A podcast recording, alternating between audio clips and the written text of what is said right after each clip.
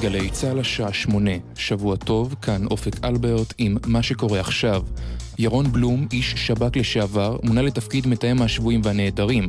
ראש הממשלה נתניהו הודיע על מינויו של בלום, ששירת שנים ארוכות בשירות הביטחון הכללי, ובשנים האחרונות היה חבר בצוות המצומצם שניהל את המגעים לשחרור גלעד שליט. כתבתנו הלעיל שחר מוסרת כי נתניהו שוחח הערב עם משפחות גולדין, שאול מנגיסטו ואסייד, ועדכן אותן על המינוי החדש. בלום הודה לראש הממשלה על מינויו. אני מודה לראש הממשלה על האמון, ורואה בתפקיד שהטיל עליי משימה לאומית מהמעלה הראשונה. כך בלום. ילד בן 12, תושב היישוב היהודי בחברון, נפצע בראשו מיידוי אבנים במהלך השבת. כתבתנו כרמל דנגור מוסרת כי הוא מאושפז בבית החולים הדסה עין כרם במצב קל, עם תפרים בראשו. תושבי המקום סיפרו כי האבנים הושלכו לעבר הילד ושניים מחבריו, בעת שרחצו במעיין אברהם הנמצא בתחומי היישוב. אלפי תושבי, תושבי חבל קטלוניה יוצאים להפגין בשעה זו במחאה החלטת ממשלת ספרד. מנהיג קטלוניה קרלס פוג'ימון קורא לאנשים להצטרף להפגנות. היום יותר מתמיד בואו להגן על הדמוקרטיה ועל זכויות אזרחיות ופוליטיות, כך כתב. פוג'ימון צפוי לנאום הערב בחצות שעון ישראל, בתגובה להחלטה להעביר את סמכויות הממשל בקטלוניה לספרד. היום הודיע ראש ממשלת ספרד, מריאנו רחוי, כי ימליץ לסנאט לאשר את תוכניתו להגביל את סמכויות ממשלת קטלוניה ולערוך בחירות מחודשות לפרלמנט בעוד חצי שנה. עם זאת הבהיר כי ממשלת ספרד אינה מבטלת את האוטונומיה של חבל קטלוניה. ספורט, הפועל רעננה ניצחה את הפועל עכו בתוצאה 2-0 במסגרת המחזור השמיני של ליגת העל. בדקות הסיום במשחק בין מכבי נתניה לעירוני קריית שמונה, התוצאה היא 3-1 לטובת נתניה. כתבנו אופיר נתן מוסר כי בעוד חצי שעה ייפגשו מכבי, ייפגשו מכבי חיפה ובית"ר ירושלים באצטדיון סמי עופר בחיפה למשחק המרכזי של הערב. תחזית מזג האוויר, ירידה קלה בטמפרטורות שתימשך עד מחר. בשני, תורגש התחממות קלה. אלה החדשות שעורכת תום וייטרובלוק.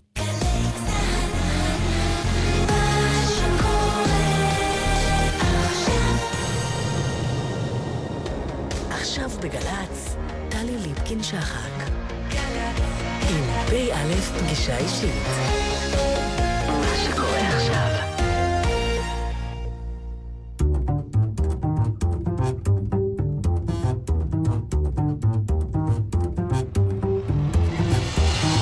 כמה דברים שאתם צריכים לדעת על תת-ניצב דדו זמיר.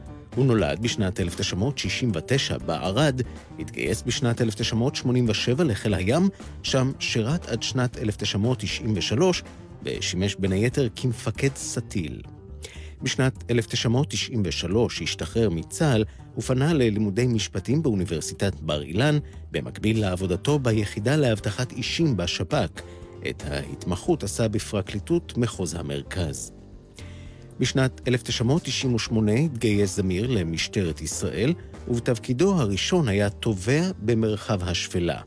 בהמשך שימש כראש שלוחה, האחראי על צוות תובעים ומספר תחנות, היה סגן ראש חטיבת תביעות מרחבי וממקימי חטיבת התביעות של מחוז המרכז במשטרה. עם הקמת חטיבת התביעות הארצית, שהיוותה איכות של כלל חטיבות התביעה, שימש בה במשך כשלוש שנים כראש מחלקת התביעות, לאחריהן יצא לתפקיד רוחב כקצין אגף חקירות ומודיעין במחוז המרכז. באפריל השנה הוא עולה לדרגת תת-ניצב וקיבל את הפיקוד על חטיבת התביעות במשטרת ישראל. לתת-ניצב זמיר תואר ראשון ושני במשפטים מאוניברסיטת בר אילן. הוא נשוי, אב לשלושה, ומתגורר בכפר סירקין.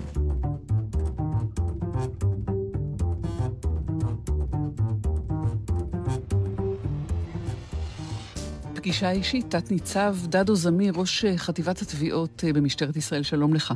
שלום, ערב טוב. זה לא בכל יום שאנחנו מארחים כאן אה, אנשי משטרה בכירים, ועוד פחות מזה, מצליח לנו להיפגש ביום שבו המשטרה, בעת שאנחנו מקליטים, נגיד על סדר היום, שלא לומר על הכוונת. בשיח הציבורי, בעקבות דברים שאומר ראש הממשלה, מדבר בגנות ההדלפות. ושוב המשטרה מרגישה קצת מותקפת. אז לפני שנדבר על חטיבת התביעות, משהו, אה, תת-ניצב אה, זמיר, על המדים הכחולים שלך. מה שאני יכול לומר זה שהמשטרה היא בעצם אה, כלב השמירה של הדמוקרטיה. אה, כל האפשרות שיש לנו לשבת פה ולשוחח, חופש הביטוי, חופש ההתאגדות, חופש ההפגנה, החופש בכלל לעשות כל דבר במדינה דמוקרטית, נעשה בין היתר, או אולי בעיקר בזכות משטרה שתומכת במשטר, שפועלת ללא משוא פנים, שמאפשרת את כל החופש הזה, כדי שבאמת אה, כולנו נוכל לחיות פה בשקט, בבטחה, ולמשטרת ישראל יש גם תפקיד נוסף, שהוא שמירה על אה, ביטחון הפנים מעבר לסדר הציבורי. לובשי מדים, ואלה גם אה, מדי צבא וגם מדי משטרה, הם בדרך כלל נחלקים לשניים. אלה שהולכים עם המדים גם לקולנוע או לסופר, זאת אומרת, הם, זה, זה האור השני שלהם, ואלה שכשהם אה, יוצאים או מסיימים יום עבודה, ולא חשוב מתי, הם עוברים לבגדים אזרחיים. לאיזה מהמחנות אתה משתייך? אז אני חושב שאולי בסוגיה הזאת המשטרה קצת שונה, כי המשטרה היא באמת אה, שירות של 24 אה, שעות ביממה. וגם אה, בדרך הביתה וגם בזמנך החופשי, הציפייה היא שתהיה חלק מהיכולת לתת סיוע לציבור, ולכן אין את היכולת הממשית ליצור את ההפרדה הזאת. בתפקיד שלי אנחנו נאלצים כן לעשות הפרדה פנימית, כי אנחנו גוף יחסית שונה בתוך המשטרה. גוף תביעתי שנמצא בתוך הרשות המבצעת, חריג מאוד במשטרים אה, דמוקרטיים, אבל יודעים ליצור את ההפרדה, ולכן חטיבת התביעות היא חטיבה עצמאית, שלמרות הכפיפות שלה למשטרה, יש לה שיקול דעת שאיננו תלוי בשום דבר מלבד אה, המקצועיות, התשתית הראייתית, האינטרס הציבורי, כפופה להנחיות של היועץ המשפטי לממשלה, פרקליט המדינה, ומנהלת את ההליכים הפליליים מתוך המשטרה, ללא תלות במשטרת ישראל. אבל אתה כן מודע לזה שכשאתה מסתובב במדים, אתה השוטר. והשאלה, מה מבחינתך הוא תפקיד השוטר בחברה הישראלית? הזכרת ביטחון וביטחון פנים. במשוואה הזאת, ביטחון הפנים תופס אולי לא רק הרבה, אלא הרבה מדי מסל המשימות של מה שהמשטרה צריכה לעשות, שזה בעצם לתת לנו תחושת ביטחון לאזרח. ושמירת הסדר, סיכול מניעה של פשיעה. אז מהו תפקידו של השוטר? תפקיד של השוטר הוא לספק לאזרח את תחושת הביטחון שלה הוא זקוק. שאדם יוכל לנוע ברחובות המדינה, לבצע את כלל פעולות החיים בבטחה, לדעת שהוא יכול לשלוח את הילדים שלו לגנים, לבתי הספר, בצורה בטוחה, לדעת שהוא יגיע חזרה לביתו והרכוש מוגן, ולדעת שבמדינה דמוקרטית מי שיאפשר לו, יש מי שיאפשר לו לשמור על כלל הזכויות שלו. וזה עובד?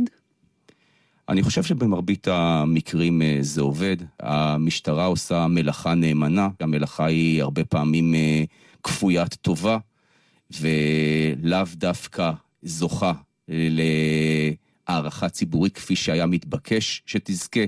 הרי אם אני אתן את הדוגמה הפשוטה ביותר, הרי לכולנו ברור שהנגע של תאונות דרכים הוא נגע שחייבים להילחם בו. ומצד שני, כשאנחנו מבצעים אה, עבירת תנועה בדרך ויש לנו את המפגש עם אה, שוטר התנועה, שוטר המקוף, אז אה, א', לא ביצענו את העבירה, וב', בליבנו אנחנו מברכים את כל מי שאפשר לברך, כאשר ברור לנו שמאות הרוגים בשנה זה מספר בלתי נתפס, מעל לכלל ההרוגים במלחמות ישראל, ושחייבים לעשות מעשה כדי למגר את התופעה של הקטל בדרכים. זאת דוגמה פשוטה. זה רלוונטי גם כמובן לדברים אחרים. קח דוגמה פחות פשוטה או יותר מטרידה, וזה האזרח שנקלע לקו האש במלחמת כנופיות נניח. בהחלט, תפקידה של המשטרה לספק את הביטחון. אני חושב שהיום אה, פחות ופחות אה, אזרחים אה, נקלעים לקו האש של הכנופיות, דווקא בנושא של השיטור הגבוה, פגיעה בארגוני פשיעה, למשטרה יש הצלחות לא מבוטלות. אם נסתכל על הפרשיות המובילות כמו 512 ואחרות, מרבית ראשי ארגוני הפשיעה במדינת ישראל יושבים מאחורי סורג ובריח. מה שמציק היום לאזרח זה לאו דווקא מלחמות הכנופיות, אלא יותר אה, פשיעת אה, רכוש, אה, פשיעה חקלאית ופשיעה קלאסית, לרבות אה, עבירות איכות חיים. כי הטיפול בכנופיות שהטילו בעבר את חיטתם ואימתם, בוצע בהצלחה מרובה. ומה עושה לתחושת הביטחון ולאמון שנדרש בין המערכת שלכם לציבור? התערבות פוליטית, לא ניכנס לפרטים, אבל אנחנו בכל זאת מדברים בימים סוערים, פוליטית מכל כיוון שהוא. הדבר שיש סיבה לחשוש ממנו שהתערבות פוליטית תרפה את ידי המשטרה. אני חושב שהפיקוד של המשטרה הוא איתן מספיק היום כדי לתת גיבוי מלא לשוטרים, כדי שימשיכו לבצע את מלאכתם בצורה מקצועית ויתעלמו מכלל רעשי הרקע, כי אם כל שוטר יתחיל לתת את הדעת על כלל הרכשים מכיוון פוליטי כזה או כיוון פוליטי אחר, הוא לא יהיה מסוגל לבצע את המלאכה שלו. כשאתה אומר רחשי רקע, זה נכון גם לשוטר שצריך אה, לפעול על פי הנהלים, על פי האימון, התדרוך שהוא קיבל, ההרגל שהוא רכש, במצבים שבהם הוא מעורב אישית, כשהוא מאוים, כשזה בתוך אה, או תגרה בין עדתית, או בפיגוע או אירוע על רקע לאומני נניח. איך אפשר לחנך או לתרגל את היכולת להישאר מנותק? הרקע והאימונים הם מה שיובילו את התוצאות העסקיות אה, בשדה הקרב או בשדה הפשע. אה, ככל שהאימונים והסימולציות שאנחנו מעבירים את השוטרים, והיום יש אה, אקדמיה מקצועית בעניין הזה, ותחנות, ושוטרים עוברים הכשרות באופן תדיר ומסודר, כך ברגע האמת הם ידעו לפעול. כמובן שלצד כלל האימונים תמיד צריך את השכל הישר, את החשיבה שמתאימה לאירוע הספציפי, וברור שבכל אירוע יכול להיות שינוי שיכול אה, ליצור תדמית מוצלחת יותר או מוצלחת פחות אה, למשטרה. אה, אין ספק שאירועים פליליים או אירועים אפילו על רקע של הפגנות כאלה ואחרות, שיש בהם מעצרים, מעצר מצטלם לא טוב, מעצר מלווה בסוג של אלימות, בסוג של שלילת חירות, אבל זה דבר שנעשה בסמכות, ברשות, להבדיל מאזרח שלא יכול לנקוט בכוח סביר כלפי אזרח אחר, לשוטר יש את הסמכות. החוכמה היא להפעיל את הסמכות במקומות הנכונים, ו... תחת באמת אה, פיקוח, בקרה ושכל ישר. נדמה לי שהדוגמה הכי מתבקשת מהתקופה האחרונה למקום שבו השוטר צריך לשים איזשהו סייג למעורבות האישית שלו, זה בהפגנות הנכים בכבישים. כשמצד אחד יש את האינטרס הציבורי, מצד שני יש את הלב היוצא אל האנשים האלה, מצד שלישי אתה מותקף אישית לפעמים, מושפל אולי אפילו. איך אפשר, איזה תורה יכולה להכין שוטר למעמד כזה? אני חושב שדווקא הסוגיה שאת העלית, הפגנות הנכים, הראתה אה, את אה, פניה היפות של משטרת ישראל, שעה שבזמן אה, פינוי הפגנה לא קלה גם מבחינת הנכים, או יותר קשה מבחינת הנכים. הכי קשה לנכים. ראינו תמונות מחממות לב, בהם שוטרים מעניקים מזון ושתייה למפגינים לצד הפינוי שלהם מכביש ראשי, ומשלבים את הצורך בהשבת הסדר הציבורי על כנו, לצד uh, שמירה על uh, כבוד האדם. אתה בא הביתה, אתה משפטן, איש עם uh, רקע צבאי, בא במדים הכחולים של המשטרה. אתה נדרש לפעמים או מרגיש צורך לפעמים להתנצל או להסביר את זה שאתה שוטר? האמת שלא. לי לא יצא אה, להסביר, אין, אין ספק שלפעמים במעגלים אה, חברתיים מסוימים, כתלוי בתקופות, יכול להיות באמת אה, שילוב של ביקורת, יכול להיות שילוב של עקיצה מסוימת, אבל אני חושב שלאורך זמן, ובעיקר בתקופות קשות, ושיש לנו אירועים אה, לאומניים בכלל, תקופה של אינתיפאדת הסכינים, או בתקופות בהן המשטרה משמשת כשכפ"ץ האנושי של אזרחי ישראל, רף הערכה וההוקרה לשוטרים גבוה, ובתקופות שבהם מרוויחים ביושר במרכאות ביקורת, אז זוכים לאותה ביקורת. וסופגים. וסופגים. וממשיכים הלאה. תכף נדבר על חטיבת התביעות וגם על החזון של המפכ"ל הנוכחי של קירוב הקהילה למשטרה ולהפך וחיזוק האמון הזה. אבל לבקשתך נעשה אתנחתא מוזיקלית. ביקשת את רמי קליינשטיין וקרן פלס שרים את אה, לחיות. כן, זה שיר שמעיד על אה, תעוזה, על יכולת אה, לשנות, וזה בדיוק הכיוון שאני שואף להצעיד אליו את חטיבת התביעות, וכשנדבר בנושא של החטיבה, אני כבר אפרט לאיזה כיוונים אנחנו הולכים. שיר ואז פירוט. נשמע ונחזור. לשמוע ג'אז בניו אורלינס. לגור שנתיים בפריז. ליום שלם להרגיש שלא חסר דבר. לעשות מרתון סרטי על מודובר. לקצץ את השיער ולצבוע לאדום. להתאהב באמצע הרחוב פתאום. להוריד לבד בקבוק של ג'ק. לתת לראש להיזרק. לשכב איתה על חוף הים. להרגיש רגשות אשם. ללמוד לנגן לפחות שיר אחד בפסנתר. להיות צודק ובכל זאת לוותר. לצנוח ממטוס. לברוח מהחוק. להמציא איזה בושם עם ריח של תינוק. לבחור בשוב אחרי שנים. לרקוד אגדו בחתונה של הנינים. ולחיות בלי חרטות. או לפחות לנסות. מאושר. עד כמה שאפשר. ולחיות את הזמן שנשאר. לפני שהשעה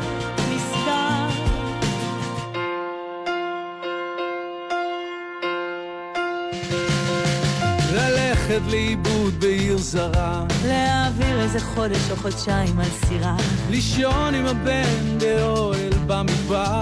ליום שלם להרגיש שלא חסר דבר. לקרוא את טולסטוי לעשות שבת. לשנות את עצמי בבת אחת. כי כבר הייתי בסדר כמו שציפו, אז רגע לפני שהחיים יחלפו לחיות.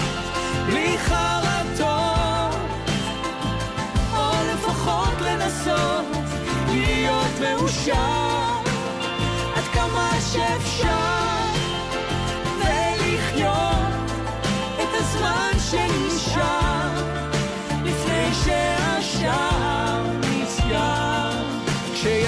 היום להזדכות, השומר יבקש שאומר כמה מילים אחרונות לפני שהשער נסגר.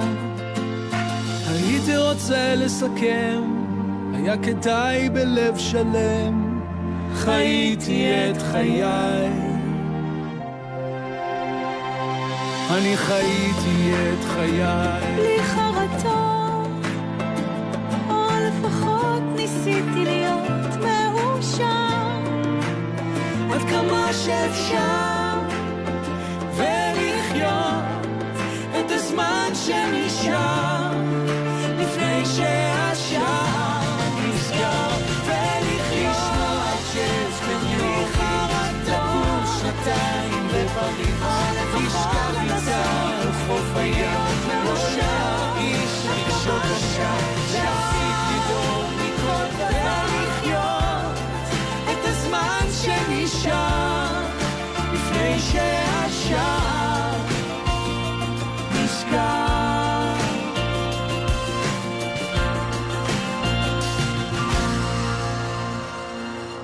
פגישה אישית, תת-ניצב דדו זמיר, ראש חטיבת התביעות אה, במשטרת ישראל, בשביל להיות תובע במשטרה, או בשביל ללבוש מדים, גם כדי להבין את חבריך השוטרים האחרים, אי אפשר לבוא מהאקדמיה ולצנוח.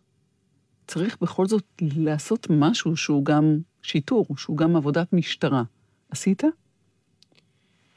אה, את עבודת המשטרה הקלאסית שלי אני עשיתי בשלב אה, מאוחר יותר. כחלק מהליכי הכשרה במשטרה, גם אה, קורס קצינים וגם אה, קורסים אה, קודמים, אתה מקבל הכשרה משטרתית בסיסית. כל קציני המשטרה, למרות שהם הגיעו עם דרגות צונה מהצבא, עוברים גם קורס קצינים משטרתי. אבל אה, לפני התפקיד הנוכחי, במשך אה, שלוש שנים לאחר שהייתי רמ"ח תביעות, עברתי לתפקיד אה, קצין אח"ם אה, מרכז. מה זה אח"מ? אגף החקירות אה, והמודיעין. בפועל זה תפקיד אה, רוחב, אבל אה, עברתי לצד השני של המתרס. אחריות אה, במחוז מאוד משפיע עם אוכלוסייה מעורבת, עם... בעצם זה המחוז הגדול ביותר במדינת ישראל, בין גדרה לחדרה, כשני מיליון תושבים. פשיעה מכל הסוגים, מכל המינים, יחידות מחוזיות משמעותיות, ימ"ר מרכז, הונאה מרכז, והתפקיד שלי היה בעצם לנהל את כל המערך של המודיעין והחקירות, ומצאתי את עצמי פונה לפרקליטות הפעם בצד שמשכנע להגיש כתבי אישום בעבירות אה, משפיעות, אה, מתמודד משפטית מהצד המשכנע כדי שיוגש כתב אישום, כדי שבאמת התוצרים של העשייה המאוד משמעותית יבשילו אה, לסיום אה, מוצלח ולמיגור אה, התופעות של הפשיעה באזור. אז מה עם מחלקת התביעות? התחום הפלילי נחלק בין פרקליטות המדינה לתביעה הפלילית. מרבית הציבור לא מודע שישנם שני גופים שאמונים על אכיפת החוק ו-90% מכתבי האישום הפליליים מוגשים על ידי התביעה המשטרתית. אה, אם אני מותח קו אה, חד, כלל התיקים שמנוהלים בבתי משפט השלום בארץ מנוהלים על ידי התביעה המשטרתית, והתיקים שמטופלים בבית המשפט המחוזי, שהם בדרך כלל חמורים יותר ומתוקשרים יותר, מטופלים על ידי uh, הפרקליטות. תן לי דוגמאות, שלוש. אני אתן דוגמאות. כלל העבירות שמשפיעות על הביטחון האישי מטופלות על ידי התביעה המשטרתית. זה התפרצויות לדירה, זה גנבות רכבים, זה סחר בסמים, זה דקירות, זה אלימות במשפחה. אה, זה כלל אה, עבירות אה, ההונאה, זה עבירות האלימות האחרות. אין כמעט עבירה פלילית שהתביעה המשטרתית לא נוגעת בה. ומדובר במסה הקריטית. 90% מהתיקים, הכוונה ל-40 אלף כתבי אישום פליליים בשנה. לא תעבורה, פליליים. בכלל בתי משפט השלום במדינת ישראל, קרוב למחצית מהתיקים מלווים בבקשות מעצר עד תום ההליכים, זאת אומרת שהתיק חמור דיו וקיימת בו עילת מעצר כדי שהעבריין שעומד מאחורי האישום ישהה מאחורי סורג ובריח עד uh, תום uh, משפטו. לעתים הם נעצרים עד תום ההליכים, בפועל, לעתים הם משוחררים לחלופות מעצר. בתי משפט שלום הם עד שבע שנות מאסר, ועבירות שהעונש לצידם גבוה משבע שנות מאסר, מגיעות אה, לבית המשפט המחוזי, ושם mm-hmm. מטופלות על ידי הפרקליטות. מן הסתם, חלקן הן יותר מתוקשרות, בוודאי ובוודאי כאשר מדובר באנשי אה, ציבור, ראשי... אה, רשויות למיניהן, ולכן הן זוכות לקצת יותר חשיפה מאשר הפעילות של התביעה המשטרתית. לצד כל בית משפט שלום ישנה אה, שלוחת אה, תביעות שנותנת מענה מחד לתחנות באותו אזור, לקלוט את אותם תיקים, אה, מאידך לאותו בית משפט שאליו מתנקזים כתבי האישום אה, ובקשות המעצר. כאשר יש סוגיות אה, מאוד עקרוניות, כמובן שישנה אה, התייעצות ברמה של החטיבה, לעיתים אה, ברמה של פרקליט המדינה, אבל חלוקת העבודה העקרונית מצויה בחוק. ברור לחלוטין איזה עבירות מטופלות על ידי התביעה המשטרתית ואיזה עבירות מטופלות על ידי פרקליטות המדינה. איזה משמעות יש לזמן שעובר מביצוע העבירה, איסוף הראיות, ההבנה שיש פה כתב אישום, לבין אה, הפנייה לבית משפט וסיום הליכים? המשמעות של הזמן היא קריטית. אם מצליחים להכות על הברזל שהוא חם, בוודאי ובוודאי שיוצרים הרתעה יותר משמעותית. אם כתב האישום מלווה בבקשת מעצר עד תום ההליכים, הרי שהוצאנו בפועל אה, שחקן שמזיק, שחקן במרכאות כמובן, עבריין שמזיק לציבור בתחום מסוים מה, המגרש הציבורי ומנענו ממנו את היכולת לבצע עבירה. את צריכה לקחת בחשבון שאנשים שעוסקים בהתפרצויות לדירה וגנבות רכב, כפי שאת ואני יוצאים בבוקר לעבודה, זאת העבודה שלהם. זאת אומרת, כל לילה תיפרץ על ידי אותה כנופיה דירה, כל לילה ייגנב רכב ויועבר אה, למקום אה, אחר על ידי אותה כנופיה. אם אנחנו מצליחים לשים את היד על אותה כנופיה, להגיש כתב אישום ובקשת מעצר, ניטרלנו את אותה כנופיה ויצרנו הרתעה כלפי אחרים שכמותם. במי תלוי אה, משך הזמן הזה? הליך החקירה, מרגע שמתגלה תשתית ראייתית, בדרך כלל אה, הוא קצר. היתרון של התביעה המשטרתית הוא ביכולת לטפל בתיקים בטווח זמן קצר. אחד היעדים של חטיבת התביעות הוא לסיים שנה ללא תיקים בעיון. התביעה המשטרתית קולטת כ-70 אלף תיקים בשנה, כפי שציינתי, 40 אלף mm-hmm. מהם, אה, ב-40 אלף מהם הוגש כתב אישום. אבל אנחנו לא נשאיר בתום השנה עודפים לשנה הבאה. אתה מודע לזה, תת-ניצב דדו זמיר, שמרבית האזרחים הממוצעים בעבירות של רכוש, ואם אין פגיעה בנפש, הם אפילו מתלבטים אם בכלל לפנות למשטרה, כי הם כל כך חסרי אמון ביכולת של משטרה לחקור, בוודאי לתפוס את האשמים, ואחר כך אה, שמערכת המשפט שנעה כל כך לאט גם אה, תסיים את ההליך המשפטי? אז אה, בחלק מעבירות הרכוש אני חלוק על הקביעה הזאת. אני חושב שבעבירות של התפרצות לדירה וגנבת רכב, רמת הדיווח היא כמעט מקסימלית, לאו דווקא בגלל אה, אמון במשטרת ישראל, אלא בגלל צורכי ביטוח. Okay. זאת אוקיי. אומרת, אה, ולכן אני מניח שבשתי העבירות האלה, כמעט כל התפרצות לדירה וגנבת רכב מדווחת. אם אני מסתכל סטטיסטית, בערך עשרה אחוז מהעבריינים מועמדים לדין.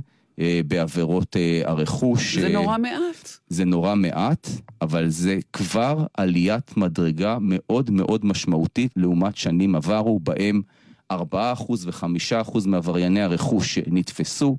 היום, כשאני מסתכל סטטיסטית על סיכויי העבריין להיתפס בעבירות רכוש משמעותיות, הן עוברות את ה-10%, גם המשטרה נהיית הרבה יותר מתוחכמת תוך שימוש בטכנולוגיה שקיימת במרחב הציבורי.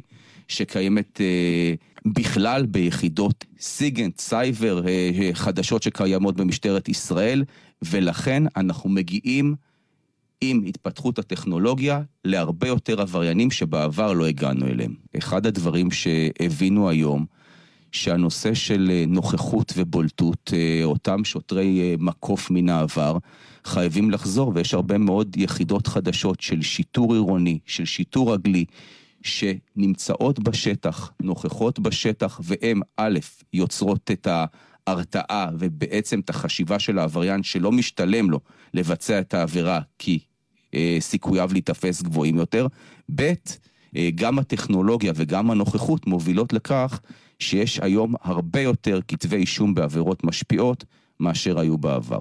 אתה התחלת, התגייסת למשטרה ב-1998, שזה אומר אה, תכף 20 שנה, אה, תובע במרחב שפלה. ומשם התקדמת ועשית עוד אה, תפקידים אה, מהסוג הזה במשטרה. אתה רואה איזה עקומת שינוי, ואם כן, ממה היא נובעת? א', אני רואה עקומת שינוי. אני רואה גם את ההשפעה שלנו כחטיבת התביעות. ברגע שאתה מנהל 90% מכתבי האישום, אתה משפיע ב-90% מהתחום הפלילי. דוגמה מצוינת היא הנושא של אה, קביעת אה, יעדים מסוימים בהתאם אה, להתפתחויות. כרגע הנושא של תקיפת צוותים רפואיים עומד על הפרק. לא יעלה על הדעת שאדם שמגיע לקבל טיפול לא מרוצה מאופן הטיפול, יפליא במכותיו בצוות הרפואי, ולכן כשאנחנו מחליטים שמעתה אנחנו מכבידים את היד וכל אה, אדם שיפגע בצוות הרפואי יוגש כנגדו באופן מיידי כתב אישום, ואם קיימת עילת מעצר גם הוא ילווה בבקשת מעצר כדי באמת אה, להרחיקו מן החברה. זה נעשה, ולצד העד התקשורתי שאנחנו שומעים על פגיעה בצוותים רפואיים, הגשנו לאחרונה עשרות כתבי אישום בתחום הזה, ואני מקווה שנוכל למגר את התופעה המכוערת הזאת. כתב אישום הוא שלב אחד לפני משפט ולפני מיצוי ההליך. זה נתקע בבתי המשפט. אה, כאשר כתב אישום מלווה בבקשת מעצר, על פי החוק יש סד זמנים שבו ההליך הפלילי אמור להסתיים. אה, כתבי האישום שבאמת אה, זוכים לתעדוף נמוך יותר, זה תיקים שמוגשים לבית משפט בהליך רגיל, ללא בקשת מעצר, ושם משך החיים של תיק פלילי הוא יותר ארוך. למרות שגם בנושא הזה יש היום שיפור, והסטטיסטיקה של הנהלת בתי המשפט מראה שאורך החיים הממוצע של תיק פלילי עומד היום על כשנה. כמה אנשים יוצאים זכאים, אחרי שיש לך תיק שנראה תפור לגמרי?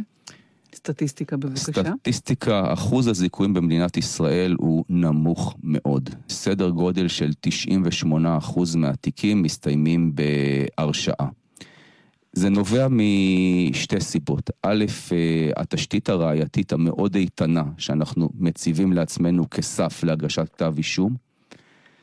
ב', צריך לקחת בחשבון שקרוב ל-85% מהתיקים מסתיימים בהסדר טיעון. כך שאם ניקח את ה-15% אה, של התיקים שאכן מתנהלים, יכול להיות שאחוז הזיכויים הוא קצת יותר גבוה. Mm-hmm. אבל אם אני לוקח את אחוז הזיכויים מכלל התיקים, הוא בכמויות אה, זניחות ביותר. אני חושב שזה בגלל אה, עבודה מקצועית ולא בגלל הרשעות שווא. של אה, נאשמים שלא ביצעו עבירות. אתה מנהל את אה, משרד עורכי הדין הגדול ביותר במדינה בעצם, הפלילי. דרך אה, חטיבת התביעות הזאת. כמה אנשים עובדים אצלך? כ-500 תובעים פליליים, כמובן שיש גם מערך תומך, מש"קים משפטיים, מזכירויות, סדר גודל של כ-700 שוטרים ושוטרות, רובם, כפי שציינתי, בעלי מקצוע, תובעים הם עורכי דין, מקצועיים, אה, שבקיאים מאוד בתחום הפלילי. כמה או בכלל יש אה, מעבר מאזרחות וחזרה אל תפקיד אה, הסנגורים, למשל, אתה פוגש אותם אחר כך בבתי משפט כשהם מגינים על, ה... על העבריינים? בין יתר תפקידנו, אנחנו כנראה הבית ספר הכי טוב ללימודי התחום הפלילי. ולא מעט סנגורים התחילו את דרכם בתביעה המשטרתית. אנחנו לוקחים אה, בחשבון שאחוז מסוים מהתובעים שלנו יעזבו אותנו לפרקטיקה הפלילית. אנחנו גם אחד מיצרני השופטים הגדולים ביותר אה, במדינת ישראל. בכל אה, ועדה למינוי שופטים ישנם מספר תובעים שמתמנים לשיפוט, כי הבית ספר הוא באמת בית ספר פלילי מהמעלה הראשונה. זה נתון שבוודאי ובוודאי אנחנו לוקחים בחשבון, אנחנו מגבילים באמת את uh, התובע המתחיל במספר שנים שלהם הוא מחויב לנו בטרם נאפשר לו לצאת מחטיבת התביעות, mm-hmm. כדי שנוכל גם להפיק את הפירות מהעמל הרב שאנחנו משקיעים בהכשרה. ומה יוגדר uh, פרי בשל? ככל שהתובע ותיק יותר ותובע בעל שלוש-ארבע שנות אה, ניסיון יכול להתמודד מול כל סנגור בכל תיק, הקושי שלנו הוא לשמר תובעים מעל חמש-שש שנים. שבהם מתחילים לקבל אה, הצעות אה, מפתות אה, מגופים אחרים, זה יכול להיות תחרות פנים משטרתית שהיא מבורכת בעיניי, לצאת ליחידות חקירה, ומבחינתי זה להשביח את הארגון, ופה אני שמח מאוד על המעבר, וזה יכול להיות מעבר לגופים ממשלתיים אחרים, וגם פה אני חי בשלום עם המעבר. אה, אני מאוד שמח שאנשים שלי מתקדמים בפרקליטות או במשרדי ממשלה אחרים. המעבר לפרקטיקה פרטית, ובעצם נקרא לזה מעבר אה, הקווים, ויצירת מתמודדים שעומדים מולי בבית משפט הוא הרבה פחות נוח, אבל זה סיכון מחושב, זאת הדרך. והצד השני של המשוואה הזאת, אה, כשנשארים עד כדי שחיקה, גם סכנה כזאת קיימת. בוודאי. אה, תובע שמופיע בבית המשפט לאורך שנים, כמעט מדי יום, אה, נשחק. הדרך שלנו היא לקדם אנשים לתפקידי אה, ניהול, להעביר תובעים בין יחידות וליצור להם אתגרים חדשים. לעתים זה מצליח ולעתים פחות. תגיד, יש איזשהו תהליך של הידבקות באווירה הפלילית, בחומר הפלילי הזה, כשאתה כל כך הרבה שנים מתעסק בפלילים? שינוי המחשבה אולי אפילו? שינוי מנטלי? אין, אין לי ספק שזה משפיע. אין לי ספק שזה משפיע במספר מישורים. זה מס, משפיע במישור שההצלחות מובילות אה, לתחושה אדירה של סיפוק והצלחה בשליחות הציבורית, שאתה יוצר אה, חברה אה, טובה יותר ובריאה יותר. השפעות נוספות זה שאתה רואה הרבה דברים מאוד מאוד קשים. אתה נחשף לחולי של החברה, אתה נחשף לדברים הפחות... אה, אה, נעימים, אתה פוגש אה, קורבנות, הם העדים שלך בבית המשפט, אה, צריך חוסן נפשי משמעותי כדי לראות אותם, להשמיע את קולם בבית המשפט, אבל צריך לקחת בחשבון שהחברה שלנו ברובה נורמטיבית, ברובה איכותית, שהתחום הפלילי נוגעים בו מתי מעט עבריינים, ובסך הכל אנחנו חיים בחברה בריאה ואפילו אה, די אה, מוגנת. אתנחתא. תת-ניצב דדו זמיר, אתנחתא מוזיקלית שוב, ולבקשתך, אריק איינשטיין שר "יש לי אהבה והיא תנצח". וזה בדיוק תואם למה שאמרתי במשפט האחרון, כי המילים מדברות שמתוך המצב האפל והקשה אה, אפשר לראות את האור ואת התקווה, וזה בדיוק תואם לתפקיד שלנו. נשמע ונחזור. בין האפל הנסתר בעולמנו המר. אומרים שיש עוד תקווה, קוראים לזה אהבה ומחכים לבואה. בין האתמול לעתיד, בין האוצר לתחתית אומרים שיש עוד תקווה, קוראים לזה אהבה, ומחכים לבואה. בין הבלבול לאסון, תדעו שיש פתרון, קוראים לזה אהבה. בין הזיוף לאמת, בין כל מה שחי למת. ישנה אהבה. יש בי אהבה והיא תתעורר ותיגע. יש בי אהבה והיא תנצח. יש בי אהבה והיא תתעורר ותיגע. יש בי אהבה והיא תנצח. בין השפיות לשינה, בין הילדות לזקנה, אומרים שיש עוד תקווה, קוראים לזה אהבה, ומחכים לבואה. בין האתמול לעתיד, בין האוצר לתחתית, אומרים שיש עוד תקווה, קוראים לזה אהבה, ומחכים לבואה. בין הבלבול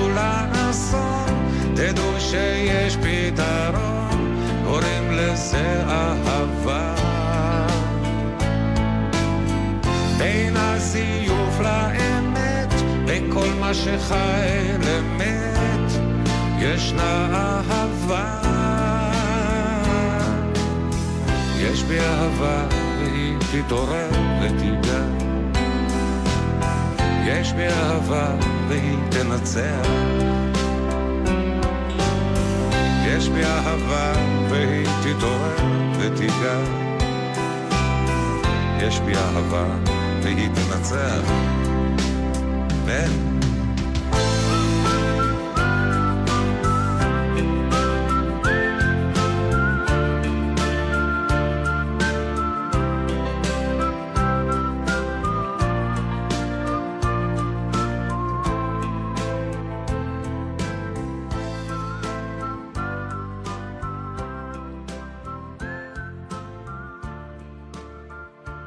פגישה אישית, תת-ניצב אה, דדו זמיר, ראש חטיבת התביעות במשטרת ישראל.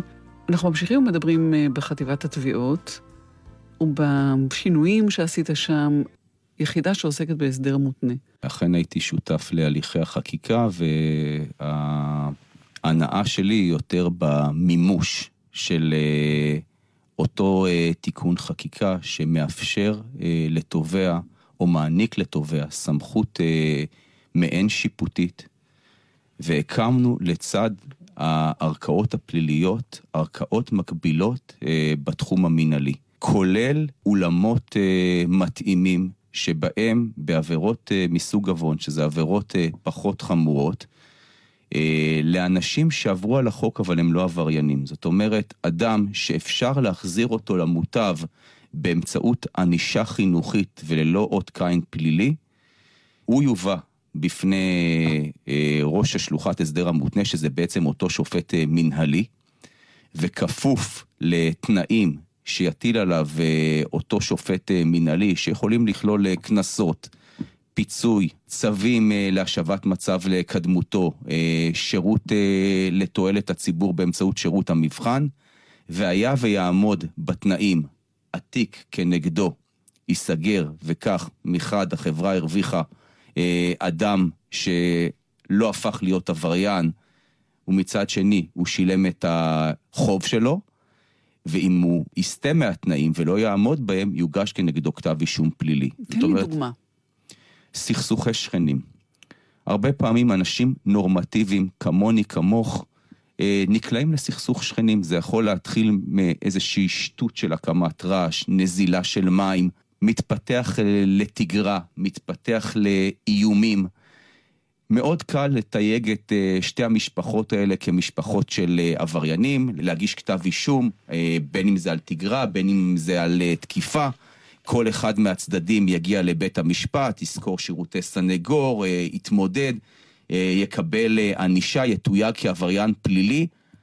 מצד שני, אם אני אביא את אותם שכנים בפני השופט המינהלי, יצליח לגשר על הפערים, להטיל תנאים, אה, להשיב מצב לקדמותו ולהחזיר שתי משפחות אה, נורמטיביות להמשך חייהם ללא כתם פלילי, כולנו אה, נצא מכך נשכרים. כמובן שאנחנו צריכים לבחור פה את העבירות המתאימות. המטרה שלי היא להגיע לכמות הסדרים גבוהה כזאת שתיקח חלק מכתבי האישום שמוגשים היום לבית המשפט ומאותם 40 אה, אלף כתבי אישום יכולים לעבור מספר אלפי תיקים לטיפול במסגרת הסדר מותנה. אה, נתח אה, נוסף של התיקים יגיע מתיקים שנסגרו עד היום מחוסר עניין לציבור בגלל תעדוף. ישנם תיקים שהיד מאוד מאוד רועדת שאתה סוגר אותם מחוסר עניין לציבור, כי אתה אומר, זאת מידע ראשונה, ניתן לאדם הזה עוד הזדמנות. מצד שני, המתלונן, הקורבן שנמצא מאחורי אותה עבירה אומר, מה זאת אומרת חוסר עניין לציבור? אני הציבור, מי מטפל בי? לפני שאני מגיע הביתה אני כבר מקבל אה, מכתב סגירה שהתיק שלי נסגר מחוסר עניין לציבור. את התיקים האלה גם כן נכניס ליחידת ההסדר המותנה. מה, תפתח אותם מחדש? אני לא אפתח אותם מחדש, יש קו פרשת מים. מהיום והלאה זה יהיה. אני מלכתחילה לא אסגור אותם. ולכן הם יופנו גם להסדר מותנה. והתיקים אה, שיטופלו באותן אה, ערכאות מנהליות יהיו גם תיקים חמורים שהתקשינו לסגור אותם, אבל בסופו של יום בגלל שיקולי תעדוף סגרנו, גם תיקים שהגשנו לבית המשפט וסיימנו אותם בדרך כלל בהליכים ללא הרשעה או בפתרונות משפטיים אחרים, כך שבחזון אני רואה ערכאות מנהליות שחיות לצד הערכאות הפליליות, ועם הזמן הנתח אה, שטופל באפיקים המנהליים ילך ויגדל. אה, כמובן ששיקול הדעת הוא שיקול הדעת של התביעה, אלו התיקים המתאימים ביותר להליך זה. זה כולל גם גניבה? עבירות של גניבה קלה? כן, כן, איזו בפירוש. איזו גניבה תוגדר קלה? גניבה שתוגדר קלה זה סכומים מסוימים. אנחנו יכולים לקבוע רף אה, מסוים של סכום שמעליו יילקח התיק לבית המשפט. ובסכומים אה, נמוכים יותר יילקח להסדר מותנה, זה גם תלוי במבצע העבירה. האם מדובר במידע חד פעמית, או שמדובר ברצידיביסט שאין לו שליטה על העבירות שהוא מבצע וצריך טיפול הרבה יותר משמעותי מאשר אה, אותו טיפול מנהלי. הכוונה היא למנוע את ההידרדרות ולסמן לאותם אנשים עם פוטנציאל הידרדרות קו אדום. קיבלת הזדמנות, קח אותה בשתי ידיים, היא לא תחזור. כי בפעם הבאה יוגש כתב אישום, ואם גם לא תמלא אחר התחייבויות התובע, יוגש כתב אישום. משפחה למשל, או איזושהי אה, סביבה תומכת, מעורבת בתהליך הזה? ברגע ששירות המבחן אה, מעורב ויכול אה, לקבוע תוכנית אה, שירות לתועלת הציבור, בוודאי ובוודאי שהוא משלב את אותו אדם אה, בתוכנית טיפולית. כאשר יש לנו מקרים שאנחנו זקוקים לסביבה כללית תומכת, בדרך כלל מדובר בעבירות הרבה יותר חמורות, קיים היום אה, ניסיון במספר בתי משפט אה, שמוגדרים בתי משפט קהילתיים. מדובר בהליך פלילי שבו גם שירות המבחן, גם הרשות המקומית, גם כלל המוסדות הרווחתיים של מדינת ישראל יוצרים לעבריין המועד תוכנית שיקומית שאם הוא יעמוד בה, רף הענישה יהיה פחות בהרבה מאשר אה, הוא היה מקבל אילו אה, הוא לא היה עובר את אותה תוכנית שיקום. אתה מודע, תת-ניצב זמיר, לטענה שאנשים חלשים בחברה, מיעוטי יכולת, אנשי שוליים, מורשעים יותר מאחרים?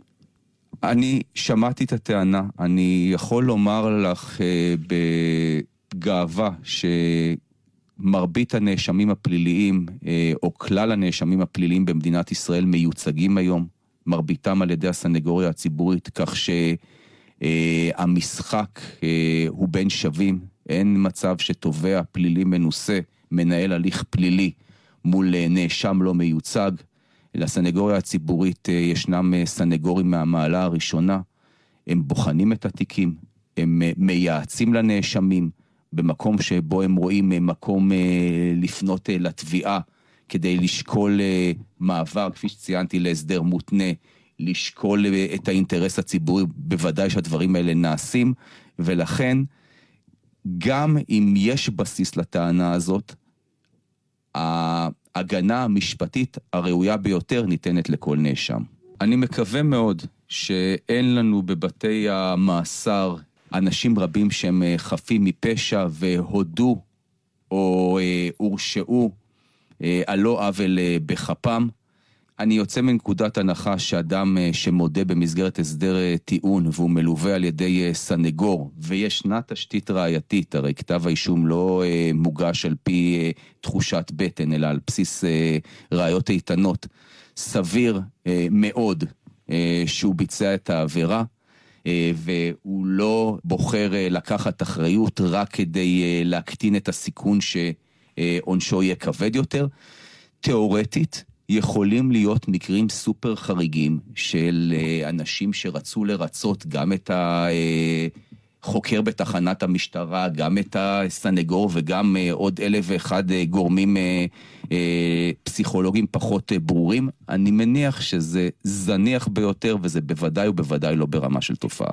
יש עוד עניין אחד, צווי איסור פרסום. צווי איסור פרסום בדרך כלל אה, מתבקשים בשלב אה, החקירה, לפני הגשת כתב אישום, בשלב בו החקירה היא סמויה, בשלב בו אה, פרטים מוכמנים יכולים לשבש את היכולת אה, לחקור. זאת אומרת, אם ניקח אה, דוגמה, אם אה, החובש במד"א הגיע לזירת רצח, והיום לכל אחד יש אה, טלפון סלולרי שהוא בעצם אה, מצלמה ואפילו כלי תקשורת, וישדר מיד מהשטח את הממצאים בזירה, את המאפיינים הייחודיים של הזירה. לא נוכל להגיע לעבריינים פוטנציאליים, לגבות מהם גרסה, וגם אם הם מחר יודו, תמיד הם יוכלו לטעון שהם שמעו ברדיו או ראו בצילומים שעברו באותה רשת תקשורת איך נראתה הזירה, ולכן אותם פרטים שנתפסים בעינינו מוכמנים, בעצם הם כבר ידועים אה, לכלל הציבור. הדברים האלה נוגעים לשאלת האמון שבין הציבור למשטרה שפתחנו בה, גם סביב הסערה של השבוע האחרון עם הדברים שאמר ראש הממשלה. וזה לוקח אותי אל המאמץ שעושה המפכ"ל לקרב בין הציבור למשטרה, ולהעלות את רמת האמון? במשטרת ישראל אה, קיימת אה, תוכנית אה, אמון, שהייחודי בתוכנית הזאת הייתה פנייה לכלל המגזרים בציבור, החל ממועצות תלמידים, דרך ועדי שכונות, כלה בפרנסי העיר. כל גוף הציף מספר יעדים שמטרידים אותו, וכל תחנה, בהתאם למאפיינים שלה, קבעה לעצמה יעדים שחלקם צפו אה, מהציבור, ולכן לצד הטיפול בפשיעה קלאסית, קיימים היום יעדים שנוגעים לעבירות של איכות חיים שצפו מהציבור, הקמות רעש, הפרעות חנייה. כל תחנה נמדדת על הטיפול באותם יעדים. אנחנו כתביעה תומכים ביעדים בהיבט הפלילי כאשר אה, מתבצעות עבירות פליליות שתומכות ביעדי אמון באותה גזרה, מוגשים אה, כתבי אישום שהם בעצם תומכים בתוכנית האמון, אבל כתבי האישום מוגשים, כפי שציינתי בתחילת הדרך, על פי תשתית ראייתית ועניין ציבורי, אה, ולאו דווקא בגלל היעדים המשטרתיים. בעיניי, הנושא של תוכנית האמון עולה בקנה אחד עם אותה יחידה של הסדר מותנה שציינתי את קיומה, ובמישור אה, של חטיבת התביעות, אני פועל לנדבך נוסף של אקדמיזציה בתחום הפלילי, בהיבט הזה שכל יחידת תביעות תעבוד לצד אה, מוסד אקדמי. לתפיסתי, היום ההוראה הפלילית לא מאוזנת דיו. תסביר. מרבית ההוראה הפלילית באוניברסיטאות ובמכללות היום היא עם נטייה, אני לא רוצה לצאת בהכללות כמובן, אה, של אנטי-ממסדיות, קצת אה, תקיפה של הרשויות, קצת אה, אמירות בוטות כלפי משטרת ישראל ודרך התנהלותה. בנינו קורס של התביעה המשטרתית שקיים היום כבר בלא מעט מוסדות אקדמיים ו... במהלך השנה הקרובה הוא יתפרס כמעט לכל אה, מוסד אקדמי, שבנוי משני סמסטרים, סמסטר ראשון על לימודי משטרה ותביעה משטרתית. בסמסטר השני הסטודנטים מתלווים לתובע ביום אה, הופעה בבית המשפט, עוזרים לו להכין את התיק, לאתר פסיקה. זה הפך להיות אחד הקורסים הכי אטרקטיביים באקדמיה, ואני מרוויח פה הרבה מאוד אה, רווחים נלווים. א', אה, אני מאזן את ההוראה הפלילית. ב', אני מייצר אה, שגרירים נאמנים למשטרת ישראל. או גם אה, תובעים פוטנציאליים, עובדים. זה השלב הבא. כן. מכיוון שאני יכול לאתר מתמחים עתידיים ותובעים עתידיים, זה כמובן רווח נוסף, ואני חושב שאני גם יוצר אתגר נוסף לתובעים ללמד באקדמיה. כך שאם אני בוחן את התהליך הזה מכלל כיווניו, זה מודל אה, להצלחה ולבניית אמון עם הציבור. היית תת-ניצב אה, דדו זמיר, אה, איש צבא, סיימת קורס חובלים, היית סגן מפקד סטיל, זה לא עניין קטן. תעיד הסיכה על המדים שלך. הלכת ללימודי משפטים ועבדת ביחידה לאבטחת אישים בשב"כ, מצאת את עצמך בסופו של דבר כתובע במשטרה, גם תואר שני במשפטים עשית ונשארת במשטרה. אף לרגע לא חשבת, למה אני צריך את זה? אני יכול לצאת לשוק הפרטי, אתה רואה את חבריך במשרדים מצליחים, עושים לביתם, שלא להגיד, עושים כסף, ואתה במדים, עם איזו תחושה של שליחות. לא התבלבלת? אני אודה ולא אבוא שבתחילת uh, הדרך uh, היו הרהורי כפירה בהיבט הזה שאתה לא יודע לאן uh, פניך מועדות, אתה מתחיל להשתלב. ועוברות מחשבות, האם אני אצא ביום מן הימים אה, להיות אה, סנגור, לעשות לביתי. אה, לי באופן אישי, אה, התחושה של העשייה, התחושה של ההשפעה, היכולת אה, ליצור באמת אה, דברים אה, חדשים וייחודיים, כיום בכלל יכולת להשפיע ברמה ארצית, קורצים הרבה יותר ומאתגרים הרבה יותר מאשר ללכת בעצם אה, להגן על העבריינים, ואני לא מזלזל בזה, אני באמת חושב שכל אדם זכאי לייצוג משפטי. אני חייב לומר שבמאזן הערכים שלי וביכולת שלי להגיע לסיפוק עצמי, להשפיע ולהרגיש שאני תורם, מצאתי את המקום הנכון. תת-ניצב דדו זמיר, ראש חטיבת התביעות, אנחנו נפרדים עם הדברים האלה, ועם אה, דיוויד ברוזה, לבקשתך, שר תחת השמיים. אז א', אני באמת אה, מודה לך מאוד. ב', השיר הזה נבחר אה, פה יותר משיקול אישי, אין לו שום אה, מסר אה, כללי, למעט שיר שמלווה אותי באופן אישי במהלך השנים. ותודה רבה. לך תודה רבה.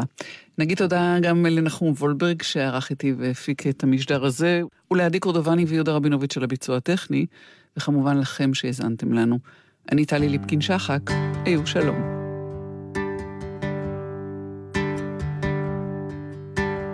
באנו לך מתחת לשמיים, שניים כמו זוג עיניים. יש לנו זמן מתחת השמיים. בינתיים אנו עוד כאן. את ואני ואני את ואני המיטה רחבה לתת אהבה לילה ויום לילה ויום לילה ויום. והחיוך מתנצל שהוא מתעצב באנו לך מתחת לשמיים. שניים כמו זוג עיניים. יש לנו זמן מתחת השמיים בינתיים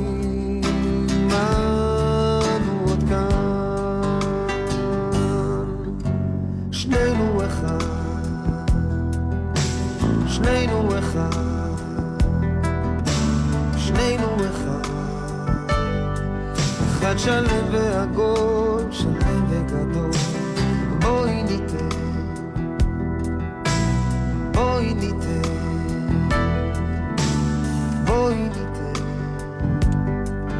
אני אתן לך לתת, לתת לי לתת לך. באנו לך מתחת השמיים,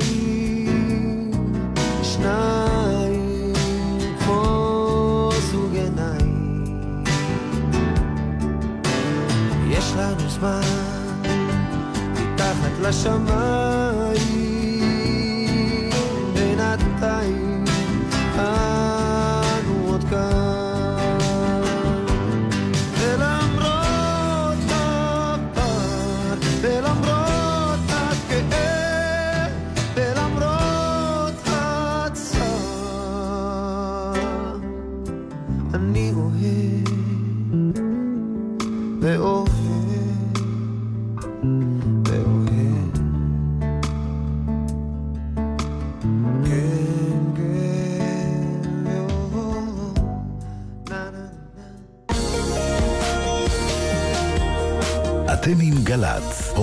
הורידו את יישומון גל"צ וגלגלצ.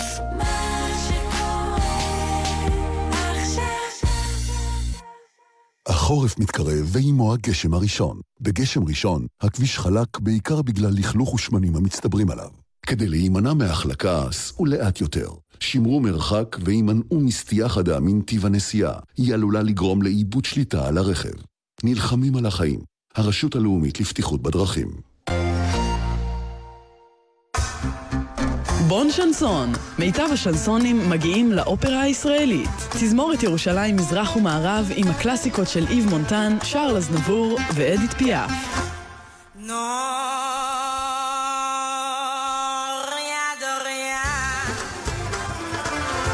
בעיבודים חדשים ובניצוחו של תום כהן.